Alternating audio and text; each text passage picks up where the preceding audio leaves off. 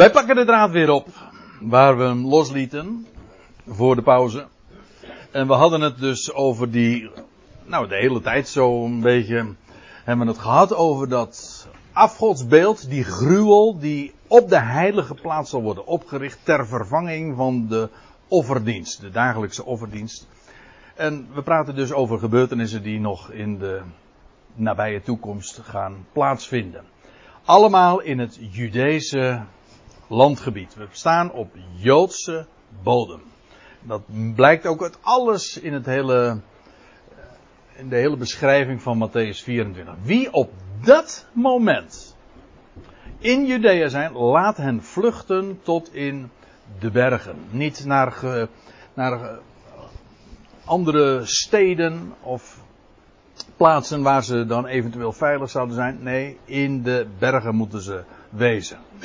Over die vlucht lezen we ook op ja, meerdere plaatsen. Maar laat ik u eens meenemen naar openbaring 12. En dat doe ik ook met opzet, omdat we daarmee ook weer een, een tafereel in beeld geschilderd wordt. Maar dat zet het wel heel duidelijk ook in perspectief. We hebben trouwens over dit gedeelte, ik weet niet meer bij welke gelegenheid dat was. Het kon wel eens de laatste studie van het vorige seizoen geweest zijn. Toen hebben we ook uh, stilgestaan bij, uh, bij deze versen. Maar dat doe ik dan nu nog eens. En het is buitengewoon belangrijk, omdat hier een aantal dingen naar voren gebracht worden, die, waarbij het hele plaatje als het ware compleet wordt neergezet. Johannes ziet een teken in de hemel. Dus dat daarmee begint openbaring 12 dan. Een, een vrouw dan uh, bekleed met de zon en de maan en een kroon van 12 sterren. Dan weet je eigenlijk al meteen dat dat iets met Israël te maken moet hebben. Een kroon van 12 sterren. Een vrouw. En hij ziet ook een draak. Een onheilspellend gebeuren die dreiging rossige draak, hoe staat het er precies, die uh, het gemunt heeft op die vrouw. En dan lees je, die vrouw is barende. En zij bracht, staat er in vers 5, zij bracht een zoon voort. Dat, die vrouw, dat is uiteraard een volk. En wel, een volk dat een zoon voortbrengt. En wie is die zoon? Dat staat hierbij. En zij bracht voort een, een zoon, mannelijk. Ik heb hier een vertaling trouwens die heel erg die, uh, letterlijk is. Direct gebaseerd ook op de interlineair. En zij bracht voort een zoon, mannelijk. Eigenaardig dat dat er zo bij gezegd wordt, want die, je zou zeggen van, heb jij wel eens een keer een vrouwelijke zoon geboren zien worden? Hm? Is dat niet, is dat niet een beetje overcompleet? Overtollige informatie? Nee, dat is het zeker niet.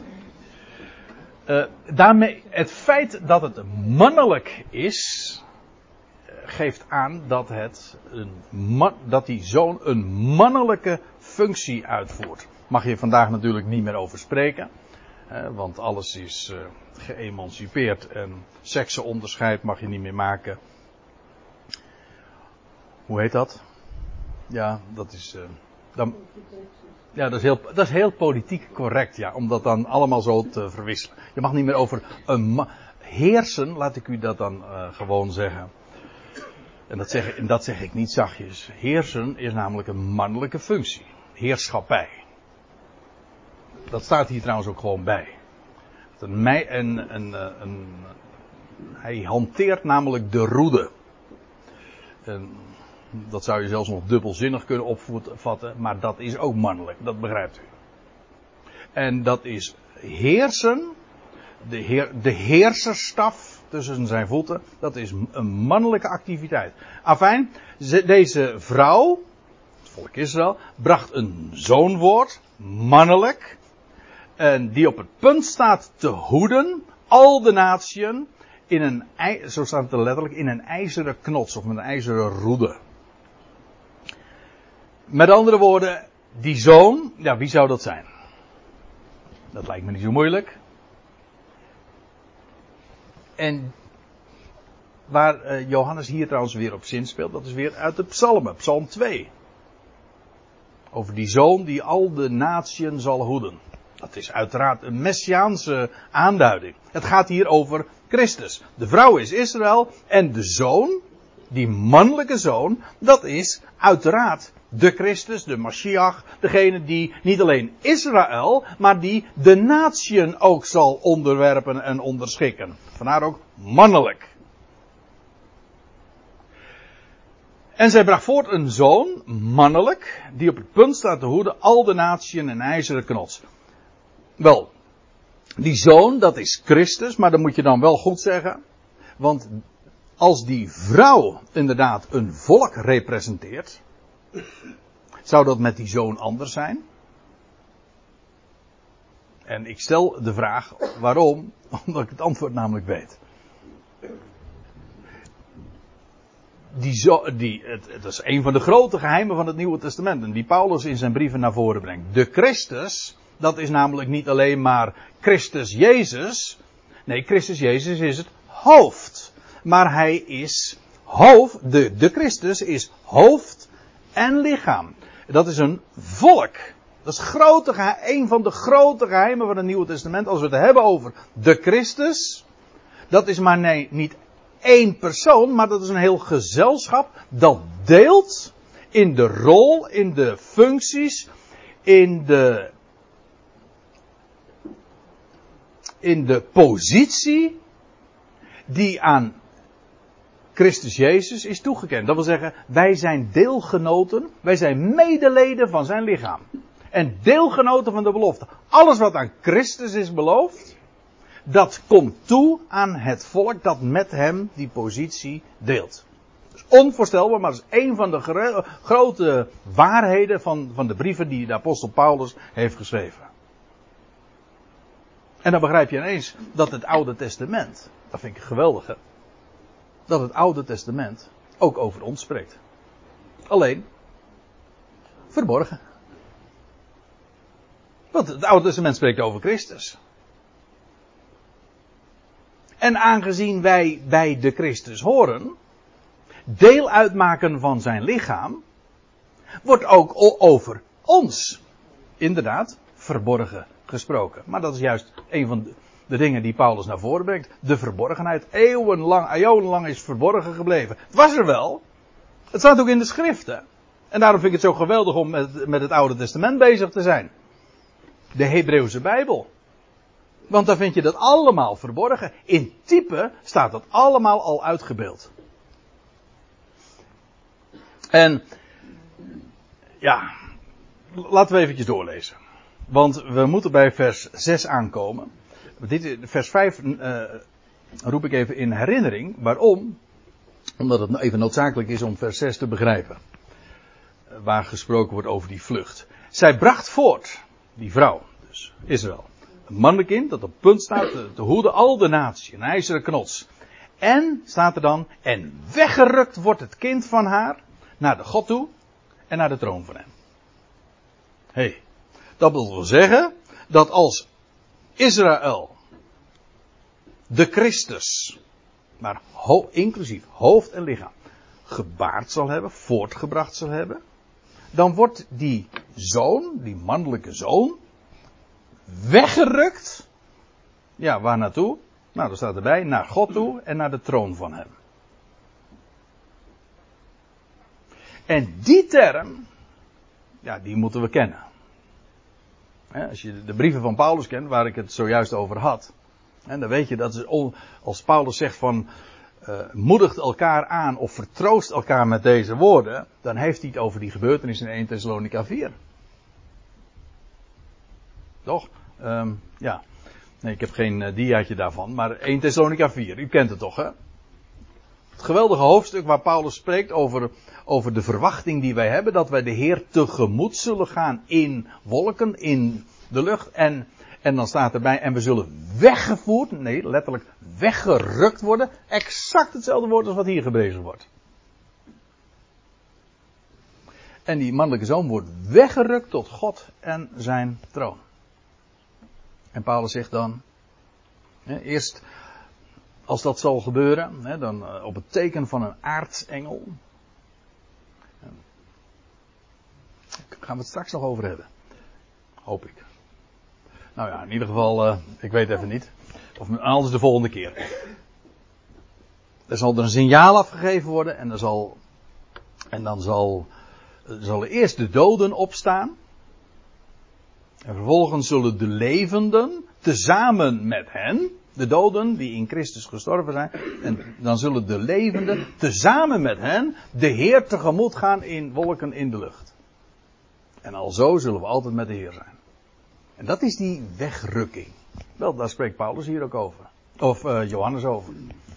Over de identiteit enzovoorts er wordt niks gezegd. Alleen, Christus wordt weggerukt. Dat dit kan uiteraard niet, uh, geen betrekking hebben op de hemelvaart. Dat was helemaal geen wegrukking. Dat was ook helemaal geen gevaar. Nee, het gaat hier over een gebeurtenis. Pal voorafgaand aan een specifieke periode. Die hier ook gewoon heel duidelijk, uh, waarvan de lengte van die termijn ook gewoon, nog specifieker kan het niet, benoemd wordt. En weggerukt wordt het, het kind van haar, staat er, naar de God toe, naar de troon van hem. Zie daar de verwachting die wij hebben. Daarom noem ik het ook heel graag. Kijk, als we het over Matthäus 24 hebben, ik zei al, dan, hebben, dan staan we op Joodse bodem. Hè, wie in Judea zijn. En als jullie dan de, de, de, de gruwel zien staan van de, van de verwoesting uh, op de heilige plaats, ja, dan weet je, ja, dat, zullen wij dat zien? Nee, dat zullen wij niet meer zien. We zullen nog de periode die daaraan vooraf gaan wellicht meemaken. Ik zeg wellicht, maar als u het mij vraagt is dat vrij duidelijk. En wij dan? Waar, waar, waar, waar, waar zijn wij? Nou, wij worden weggerukt. En wat dan? Nou, laten we het lezen. En de vrouw vluchtte tot in de wildernis, waar zij ook een plaats heeft, gereed gemaakt vanwege de God. Zo staat het er. Aha. Hier hebben we die vlucht waar we zojuist ook over lazen in Matthäus 24. Als jullie de gruwel van de verwoesting zien staan, laten dan wie in Judea zijn, vluchten naar de bergen. Hier staat, en de vrouw vluchtte tot in de wildernis. Hier wordt alleen niet gesproken over een, een gruwel van verwoesting. Er wordt hier wel over een vlucht gesproken. En wanneer zal die vlucht plaatsvinden? Nou, ik, ik uh, heb er. Uh, nou, laat, laat, ik die vraag eens aan u voorleggen. Wat zou u zeggen? Ja, op het moment dus dat die mannelijke zoon is weggerukt tot God en zijn troon, dan vlucht die vrouw naar de woestijn. Naar de, of tot in de wildernis. En daar heeft ze een plaats die van, God, van Gods wegen zo bereid, gereed gemaakt vanwege de God.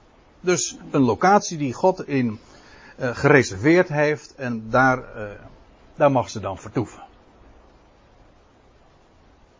En dat zal dus zijn na die wegrukking van die mannelijke zoon. En wat die plaats is, of welke die plaats heet, eh, of hoe die plaats heet. Ik beloof u, we komen daar later de volgende keer of die keer daarop uitgebreid op terug. En dan zal ik u laten zien dat, dat die, die wildernis, het gebergte, gaat over de woestijn van Edom. Meer speciaal Bosra, die plaats wordt genoemd. Weet u wat Bosra trouwens betekent? Schaapskooi. Dat is de plaats waar de, waar de kudde bijeengebracht wordt. Maar Bosra is ook gewoon een plaatsnaam in de woestijn van Edom. En uh, als mij vraagt, is dat gewoon ook dezelfde eh, plaats als Petra in de woestijn. De bekende rotsstad ik zeg het expres zo, de bekende rotsstad in de, in, ja, in het huidige Jordanië. Daar is een plaats. En daar zal de Heer dan ook zijn Ecclesia in die dagen bouwen. Hm? Zo was het toch? Maar goed, dat is een woordspeling. Ja, uit Matthäus 16. De vrouw vluchtte tot in de wildernis, waar zij ook een plaats heeft, gereed gemaakt vanwege de God, opdat zij haar daar zullen voeden 1260 dagen. Opdat zij, en dat is eigenaardig. In de NBG-vertaling is het trouwens eh, weggemoffeld, maar het staat er echt. En als u een statenvertaling hebt, staat het er wel correct. Opdat zij haar daar zullen voeden. Dan vraag je, wie, wie zijn die zij dan? Hè? Wordt hier dan gesproken over meerdere? Nou, op het moment. We hadden gezien. De vrouw is een volk. Maar die mannelijke zoon is ook een volk. Een gezelschap. Hoofd en lichaam. Wel, die wordt uh, weggerukt tot God en zijn troon. Maar uh, niet om te niksen. Uiteraard ook ter voorbereiding, namelijk van de heerschappij. Want die mannelijke zoon, die heeft de taak Christus, die zal de natieën hoeden en regeren. En ik geloof ook dat wij, lichaam van Christus, geroepen zijn tot heerschappij. Weet gij niet dat wij de wereld zullen oordelen? Weet gij niet dat wij als koningen zullen heersen, zegt Paulus dan in de Korinthebrieven. Nou ja, vanuit de hemelse kant. Dat is waar. Maar niet te min. Ja, van, die mannelijke zoon wordt ook weggerukt tot God en zijn troon. Maar wat zullen we dan in die tussentijd ook doen? Uh, ook gedurende die tijd dat die vrouw daar een plaats heeft in de wildernis. Waar ze veilig is. Uh, realiseert u zich trouwens dat niet alleen die mannelijke zoon die periode van verschrikkingen niet zal meemaken. Maar er is nog een gezelschap. Dat ook daarin voor beveiligd zal worden. En dat is die vrouw. Nou, hè? Ja, maar die 144.000 die worden pas later natuurlijk geselecteerd. Hè? Ik, daarvan is pas sprake uh, nadat de Heer verschenen zal zijn, uh, verschenen zal zijn op de Olijfberg. Maar het gaat hier nog over die tijd van die 1260 dagen. Die mannelijke zoon zal die periode niet meemaken. Nou ja, wel meemaken uiteraard. Want, maar in ieder geval, daar, waar zul, die zal zich dan bevinden bij God en zijn troon. Maar ook die vrouw zal beveiligd zijn. Een, een, een schuilplaats hebben, een onderduikadres. Gewoon daar waar ze helemaal veilig en waar de, de draak, de tegenstander, geen enkele invloed heeft. Je leest dat in openbaring 12, je zou het in het vervolg even na moeten lezen.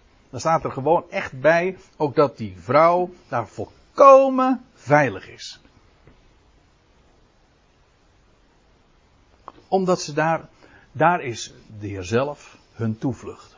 Ik geloof ook dat er tal van psalmen dan gezongen gaan worden hoor. Allerlei psalmen die gesproken van, oh Heer, gij zijt mij een vesting, een toevlucht ten dagen van benauwdheid. Ja, nou dat zal met recht dan ook blijken. Te midden van de enorme verschrikkingen zal er een plaats zijn in de woestijn waar die vrouw veilig is. En de mannelijke zoon, die is uh, gepromoveerd, om zo te zeggen, nou, tot God en zijn troon. Maar ook die vrouw, dat gelovig deel van Israël dat gevlucht zal zijn in de woestijn, die hebben daar een plaats. Van Gods wegen bereid en zij zullen haar daar voeden. En als ik mij dus vraag, zijn die zij gewoon de leden van die mannelijke zoon. Dus, dus wij hebben daar ook een aandeel in. Ik vind dat een uh, geweldig avontuurlijke gedachte als u nou aan mij vraagt van hoe stel je je dat dan voor? Ja, dat weet ik dan weer niet.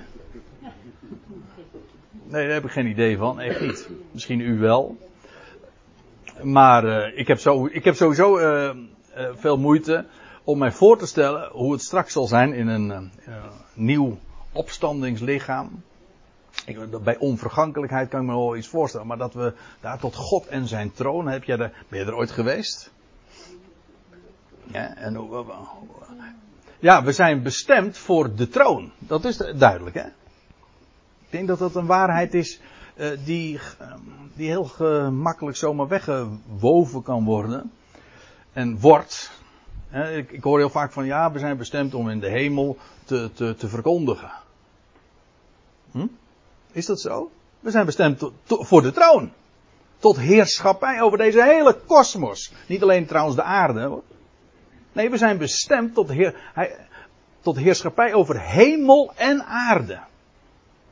De hoogste positie is aan Christus gegeven en wij als leden van het lichaam delen daarin. Niet alleen maar wij krijgen, we gaan straks niet maar wat evangeliseren onder de hemelingen. Nee, wij zijn bestemd voor de troon.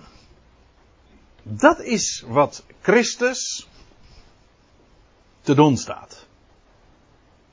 En dat is een heel gezelschap. En u en ik, als we geloven in Hem, eh, maken daar deel van uit. En straks, als eenmaal dus uh, we tot onze bestemming gekomen zijn, dat wil zeggen, we zullen Hem tegemoet gegaan zijn en we zullen altoos met Hem zijn, dan zijn we daar bij de troon. En uh, ook in die 1260 dagen, wat gaan we dan doen? Voeden. Ja, we gaan voeden. Voedsel geven. Misschien ook uh, in geestelijk opzicht wel. Wellicht. Ik weet het niet hoor. Ik, uh, ik sta hier ook maar gewoon te staan. Ik kan, het enige wat ik kan doen is lezen wat er staat. En er staat op dat zij haar daar zullen voeden. 1260 dagen. Aha, 1260 dagen. Maar die zijn wel vaker tegengekomen. Het is namelijk de termijn van de twee getuigen ook. Hè? Dat, ja, de termijn van dat de twee getuigen zullen profiteren. Maar dat is dan niet openbaring 12, dat is openbaring 11 dan weer. Openbaring 11 vers 3 heb ik hier een. Nee, ik wil wel even. Wil ik toch even naartoe gaan. Openbaring 11. Ook daar heb ik geen diaatje van.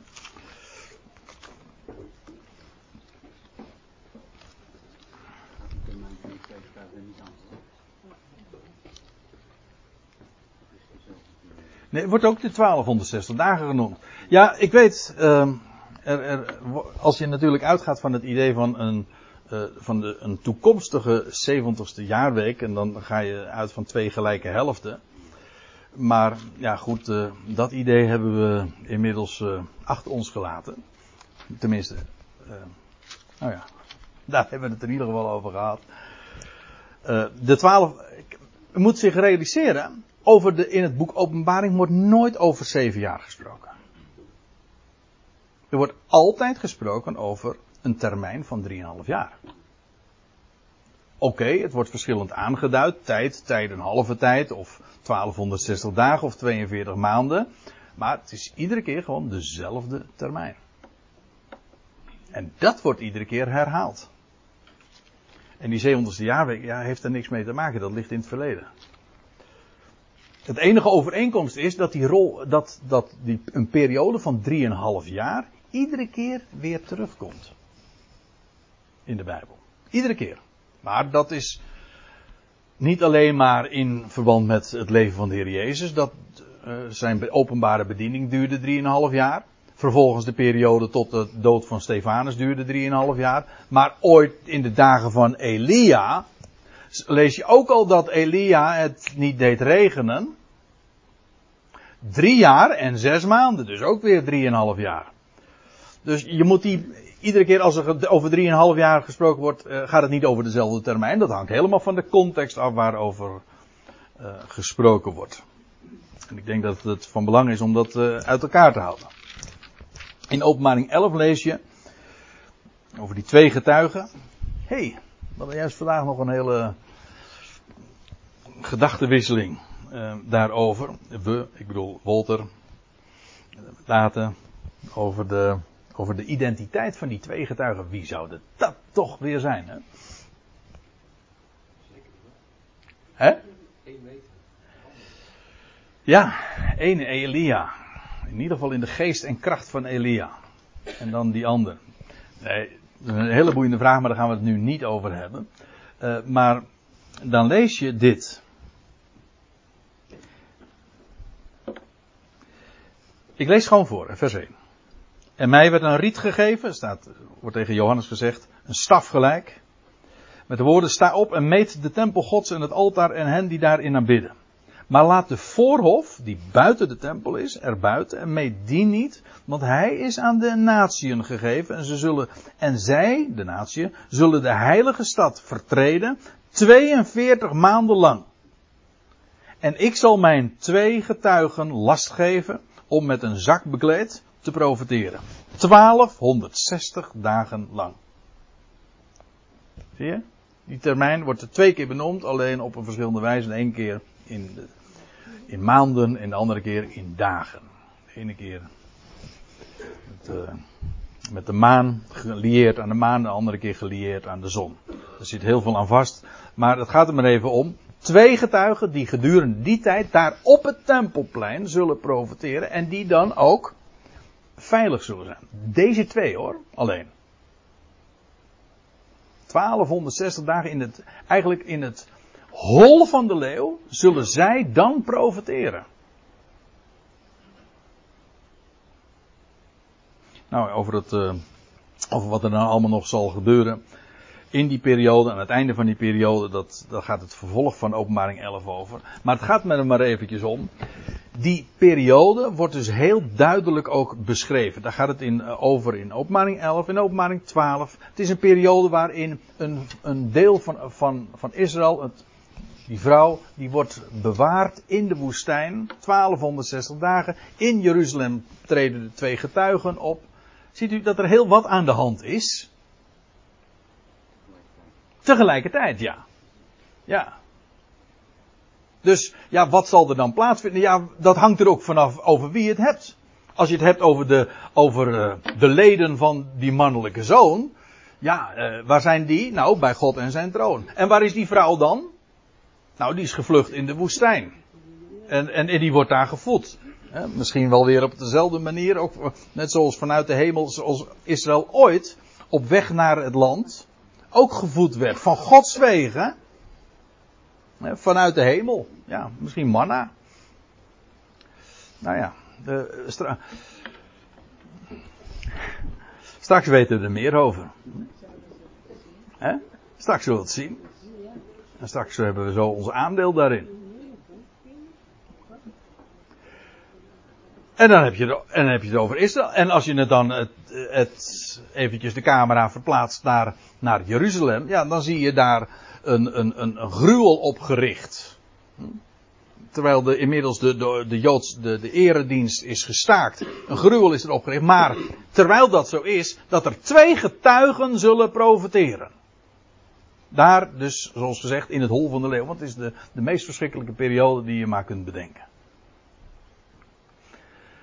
Nou, we gaan weer even terug. Want u zegt van, hadden we het niet over Matthäus 24? Ja, klopt.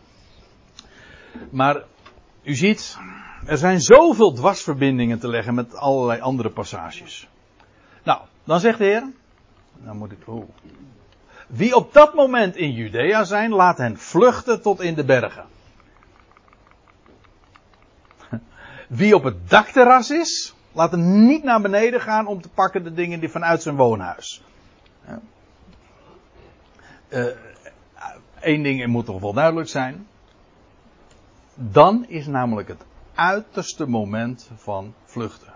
Dan is er zoveel haast geboden. Dat wordt op een andere manier ook nog benadrukt, want er staat er vervolgens in vers 18. En wie in het veld is, laat hem niet terugkeren om te pakken zijn bovenkleding. Je bent daar op het veld bezig.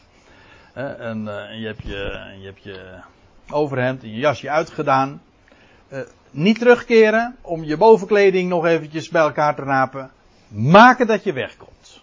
En als u zegt van, is dit niet een beetje overdreven? Of is dit bij wijze van spreken? Nou, als het bij wijze van spreken is, lijkt me dan toch in ieder geval duidelijk dat de boodschap is, maken dat je wegkomt. Nu. Meteen. Direct. Op dat moment, als je dat waarneemt, hè, waarneemt, ik bedoel niet alleen maar letterlijk uh, dat je dat ziet, uh, maar ik bedoel, ik ga ervan uit dat we dan, eigenlijk veronderstelt de Bijbel dat hier ook, uh, dat er dan ook televisie, dat, je, dat er internet, webcams staan, of dat je het leest in de krant. Hè.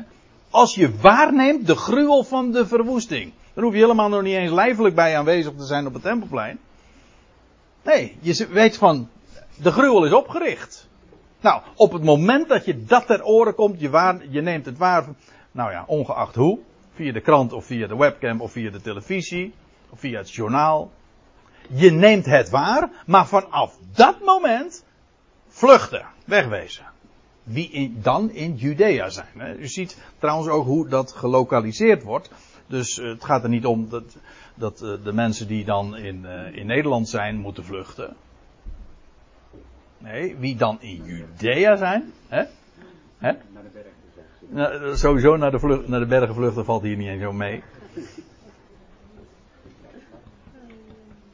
Trouwens, uh, wij, wij als leden van het lichaam hoeven helemaal niet te vluchten. Die vrouw die vlucht. Die mannelijke zoon die wordt weggerukt. Het verschil is dit. Vluchten is een activiteit. Weggerukt worden is, is dat, dat is passief. Dat onderga je. Je wordt weggerukt. Dat is, uh, dat onderga je dus. Dat is Gods activiteit. Nou, wie in het veld is, laat hem niet terugkeren om te pakken zijn bovenkleding. Wee echter de zwangere. Vind ik altijd een mooi, uh, ja, nou, nee, mooi niet. Want het is eigenlijk verschrikkelijk waar het hier over gaat. Maar wel die, die link met wee de zwangere. Hmm. Maar de wee is trouwens hier ook niet een aanklacht. Hè, van, oh wee. Uh -huh. Wee je gebeente. Nee, het is wee, het is een uiting van dreiging. Hè. Oh, wee. Hm? Nou, met recht. De zwangere. Moet je je voorstellen, dat zijn toch, dat is de categorie, de aanstaande moeders. Je bent zwanger. En dan in die tijd. Dat is heftig. Dus dit is nogmaals geen aanklacht. Maar het is wel een beschrijving gewoon zoals het is. Als je dan zwanger bent. Nou, dat is wel heel zwaar. Wee de zwangeren en de zogenden, degenen die dus een kind aan de borst hebben, in die dagen. Dat zijn degenen die, ja, waarom wee? Wel, dat is toch een categorie die het, eh, voor wie het heel moeilijk valt om dan te vluchten. Vandaar. De heer zegt, maken dat je wegkomt. Er is snelheid geboden. Ja, maar voor degenen die zwanger zijn en zogend, ja, dat, uh, dat valt dan niet mee. Vandaar ook dat, dat de heer dit zo zegt. Bid echter dat de vlucht van jullie niet zwinters geschieden. Want is ook, ja, ook hiervan geldt. Uh, dan is het moeilijker om te reizen natuurlijk. In de winter. Nou ja, u zegt in het Midden-Oosten valt het toch wel mee. Nou, dat hangt er vanaf. Misschien hoef je geen sneeuwkettingen om te doen, maar. Maar regenval, de onbegaanbare wegen, de kou maken het in ieder geval het reizen en het vluchten, want daar gaat het over. Het is maar niet zomaar even reizen. Nee, het vluchten maken die dat moeilijker. En dat geldt trouwens ook voor de Sabbat. Uh, men heeft wel gedacht van dat de Heer dus uh, zou zeggen van uh, je mag niet op de Sabbat vluchten. Nee, dat is, helemaal niet, dat is het niet. Weet u trouwens dat in het, zelfs in het Jodendom zegt dat niet. Uh, ik weet, normaal gesproken is er sprake van een sabbatsreis. Hè? Dus op de sabbat mag je gewoon een bepaald aantal meters afleggen. Ellen. Weet je hoeveel trouwens? 2000 L, ja. Zit daar wat achter? Nee hoor. Nee, nee. nee maar dat is een sabbatsreis. Maar dat wanneer er sprake is van vlucht, van noodzakelijk je verplaatsen, dan gold die bepaling helemaal niet. Dus daar heeft de Heer het niet over van je mag daar niet vluchten. Het gaat er alleen om dat het op de Sabbat veel in het Judese land uh, verrekte moeilijk is om dan te verplaatsen en te vluchten. Al was het maar omdat er geen openbaar vervoer is in, in het Joodse land. Nou, of de Heer aan het openbaar vervoer gedacht dat weet ik niet. Uh, maar uh, in het algemeen. Op de Sabbat is dat alleen maar zo moeilijk. Bid echter dat de vlucht voor jullie niet zwinters geschieden en niet in een Sabbat. Want dan zal er grote verdrukking zijn. Die uitdrukking. We reserveren hem voor een, uh, een, een, volgende keer om het nog eens wat, wat breder, of, ja, wat breder te bezien, waar die uitdrukking nog meer gebezigd wordt. Maar hier, want dan dus vanaf het moment dat de gruwel van de verwoesting op de heilige plaats wordt opgericht. En, en, dan moet je maken dat je gaat vluchten. Waarom? Wel, want dan zal er grote verdrukking zijn. Waar dan? Wel, in dat gebied van Judea. Want daar moesten ze vluchten, toch? Want dan zal er grote verdrukking zijn. Zodanig als niet is geschied vanaf het begin van de wereld tot nu toe. Nou, dat is toch al wat. En het Jodendom heeft al heel wat voor zijn kiezer gehad. Maar dan zal er een verdrukking zijn zoals er van, eh, vanaf het begin van de wereld niet geschied is tot nu toe. En ook niet meer zal geschieden, staat erbij. Nou, dan gaan we eventjes naar Daniel 12. Ja, we hebben nog even de tijd. We, wil toch eventjes u daarna meenemen. Want ook hier zien we weer dat de Heer refereert aan andere passages. Met name ook inderdaad uit Daniel. Laten we het eens lezen. Daniel 12, vers 1. Te dien tijden, ja, te dien tijden, refereert uiteraard aan het voorafgaande, moet u maar eens nalezen. Te dien tijden zal Michael opstaan. Grote vorst die de zonen van uw volk terzijde staat. En er zal een tijd van grote benauwdheid zijn. Zoals er niet geweest is sinds er volkeren bestaan tot, tot op die tijd toe. Maar in die tijd zal uw volk ontkomen, al wie in het boek geschreven wordt bevonden. Al wie in het boek geschreven wordt bevonden, ja. Eerst even dit. Michael. Wie is dat? Michael. Hij wordt in Judas uh, genoemd. Michael, de aartsengel. En ik weet, uh, in het gewone gespraakgebruik uh, pleegt men al eens te spreken over aartsengelen. Maar in de schrift zal je dat nooit vinden. Het is gewoon, het is maar één aartsengel. Eén e aarts betekent gewoon eerst hoor. Aartsvaders zijn de eerste vaders, de oervaders. Eerste vaders. Maar de aartsengel, de aartsengel, dat wil zeggen, er is er maar één van. En dat is Michael. En Michael is, dus dat is juist degene die, is er, die gelieerd is, een engel. Aartsengel, de eerste engel, maar hij is gekoppeld aan het volk van Israël, die namelijk de zonen van uw volk terzijde zal staan. En hij zal opstaan. Dat wil zeggen, hij gaat nog een belangrijke functie vullen, vervullen in de toekomende tijd. Openbaring 12 lees je hem ook weer over.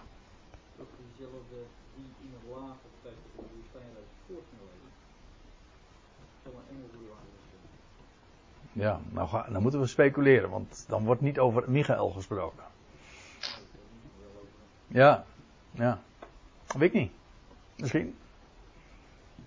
Interessante suggestie, laat ik het. Ja. We, we houden hem in gedachten. Maar Michael, we, we hebben hem trouwens. Daarom vind ik het ook zo boeiend. Want wat lazen we nou? Eerder, nee, we hebben het niet gelezen. Uh, in 1 Thessalonica 4. Hè, over die wegrukking, weet u nog? Wat staat daarvan? Wordt ook gesproken over die aartsengel. Over een bezuin, over het bezuin gods. En bij een stem van een aartsengel. Die, dus die, de aartsengel, wie is dat? Ja, als u het mij vraagt, ik weet dat er andere visies op staan, maar volgens mij is er maar één aartsengel, dat is Michael. En die gaat, uh, die zal zijn stem verheffen. En vanuit Daniel wisten we al, van Michael gaat optreden. Wanneer? Wel op het moment dat de tijd van grote benauwdheid gaat aanbreken. Voor Israël, voor de zonen van uw volk. Hè? En dan zal Michael opstaan. En dat zal tevens, wat hebben we nou gezien?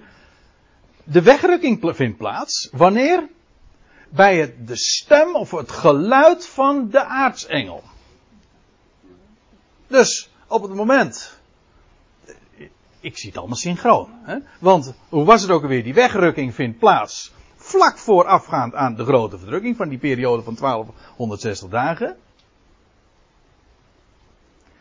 Hier lezen we die, die grote eh, benauwdheid. Ja, daar zal. Die begint met Michael die opstaat. Dus het optreden van de aartsengel Michael.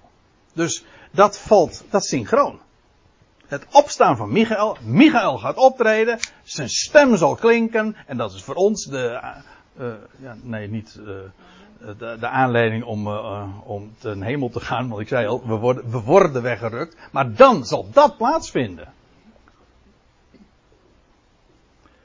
Te dien tijden zal Michael opstaan, de grote vorst die de zonen van uw volk terzijde staat. En er zal een tijd van grote benauwdheid zijn. Zoals er niet geweest is. Nou, lijkt me toch vrij duidelijk dat als Daniel dat hier zo zegt, dat hij het over exact hetzelfde heeft als de Heer Jezus in Matthäus 24. Er zal een grote verdrukking zijn, zoals er nooit geweest is vanaf het begin van de wereld. Dat staat hier ook.